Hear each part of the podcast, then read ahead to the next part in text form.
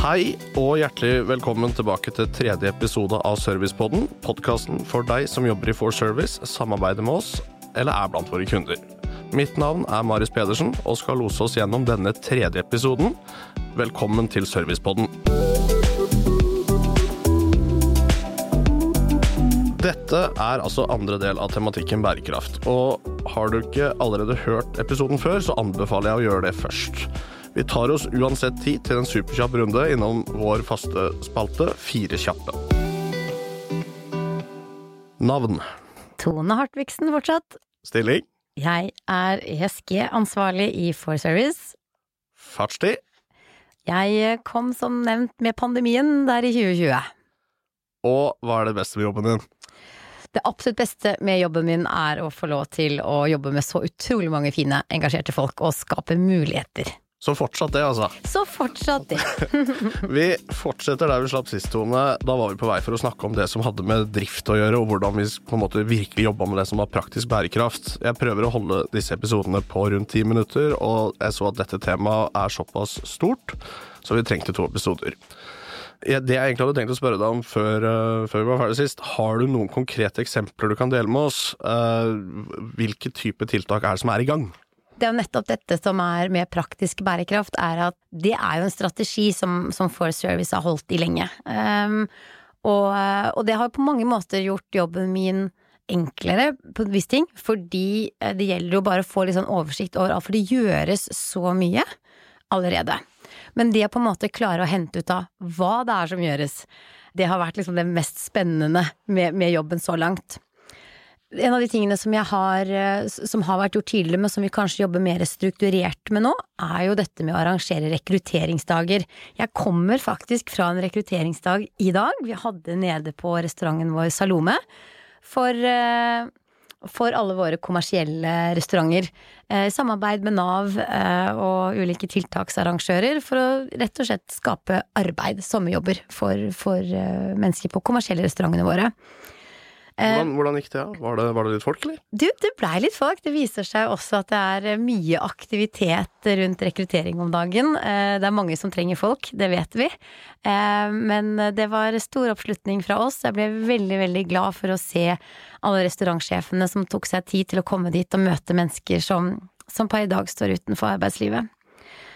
Én ting er å sette i gang initiativ og, og, tiltak fra vår side, men det jeg kanskje har lyst til å løfte frem som jeg syns er veldig, veldig inspirerende, er jo å se alt det som gjøres av engasjerte kollegaer av oss rundt omkring, uten at det på en måte kommer fra oss. Og, og det er I Trondheim nå så er vi i gang med Trøndelagsmodellen, som er et samarbeid med Nav blant annet, for å øke antallet lærlinger og sikre lærlinger inn i, eh, i, i næringslivet, og gi dem plass og, og spesiell oppfølging, for eksempel. Og det er et fantastisk fint tiltak som jeg er så stolt og glad over at vi er en del av eh, i Trøndelag. Og så liksom ned på sånn en av lokasjonene våre nede i, i Bjørvika, liksom, som jobber så tett på liksom sentrum, da. Eh, og, og, som har på en måte eh, er lik Oslo-selgere, de har i-jobb, de har lønn som fortjent, altså rett rundt Som har som funnet sine lokale initiativ der til å eh, levere lunsj da når det er mer mat igjen i kantina. Disse små tiltakene rundt omkring som gjøres, som kanskje er vanskelig å få inn i et sånt målbart system, men som jeg er helt overbevist om at uh, er det som gjør oss til så gode på sosial bærekraft. Vi skal jo være best på det, i hvert fall i vår bransje. Helt klart. Det eh, skal vi. Og, og, det er jo egentlig neste spørsmål. Uh, hvordan er egentlig bærekraftsarbeidet sånn på generelt grunnlag i servicebransjen? Er det, er det en bransje som på en måte har tatt en tydelig posisjon, eller er det, er det mye å jobbe med? Det er en, en, en, bransje som, fordi det er en sånn typisk menneskenær bransje, eh, som, som, har hatt stort behov for rekruttering i mange år, mm. så har det vært en, en, bransje som har tatt stort ansvar innenfor eh, sosial bærekraft. Men det har jo vært behovsbasert. Det har ikke vært fordi man nødvendigvis har hatt noen idealistiske ideer om det, men man har rett og slett trengt arbeidskraft. Eh, og, og Nav og tilsvarende aktører har jo vært på ballen ganske tidlig, for dette er mye av det som man historisk sett har kalt for sånne lavkompetanseyrker, hvor du ikke trenger høyere utdanning for å jobbe. Men jeg tror det vi ser nå er jo et skifte på at vi må også løfte bærekraftsarbeidet til å ikke bare være reaktivt og behovsbasert, men, men basert på, på, strategier for at vi skal ta ansvar, og, det, og på områder hvor det kanskje historisk sett har vært litt eh, ikke så vanlig å, å ansette eller eh, tilby kompetanse, for eksempel.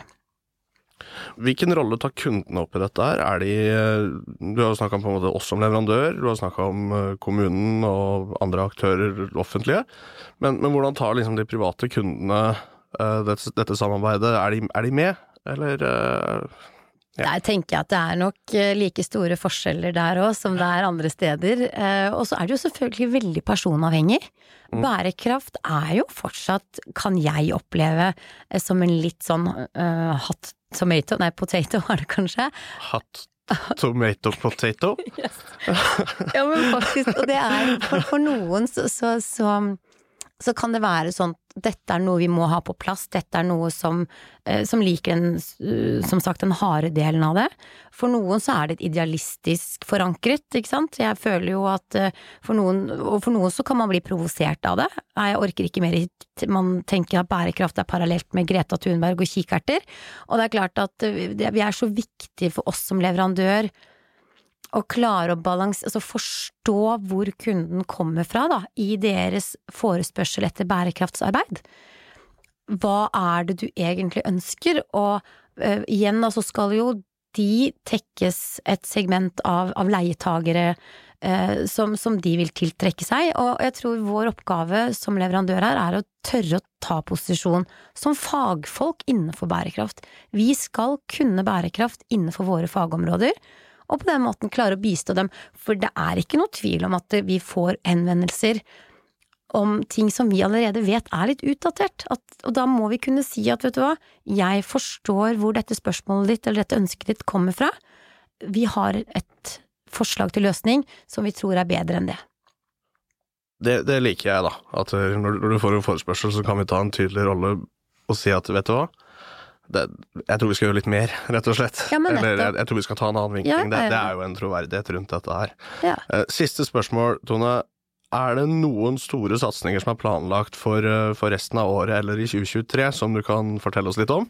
Og, altså, vi har um, vi, vi, har jo mange bein å stå på. Um, innenfor jeg, jeg, ikke, jeg, kan ikke si sånn veldig, men jeg kan si litt om vi har noen veldig spennende prosjekter på gang på sosial bærekraft, som er litt sånn endring, endring, altså som konseptendring, som er veldig, veldig spennende. Det gleder jeg meg til å, å kunne gå live med. Vi jobber en del med dette med systemer og måter å måle ting på. Det kan bli litt spennende å se hva som kommer ut av det, og hvilke tiltak som, som må gjøres i kjølvannet av det. Og så er det generelt sett mye fokus på å løfte kompetansen om bærekraft internt. Bevissthetsgjøring eh, både hos oss internt, men ikke minst også hos gjestene våre og, de kundene vi har. Jeg gleder meg til å uh, få deg tilbake til en tredje episode. Det blir litt ut i, ut i løypa, ja. men jeg, jeg, gleder meg til å høre hva som har blitt gjennomført til neste ah, gang vi snakkes. Jeg gleder meg til å kunne fortelle om det. Ja. Det gjør jeg. Mm. Tusen takk, Tone, for at du tok deg tid til å komme hit i studio to ganger. Tusen takk, Marius. Eh, veldig spennende å høre om alt som skjer, eh, og takk til deg som har lyttet med. Abonner gjerne på podkasten, og skulle du ha noen innspill eller spørsmål, kan du sende det til podcast at forservice.no, eller som direktemelding på Instagram-kontoen forservice.no. Vi høres snart igjen. Takk for meg. Og takk for meg.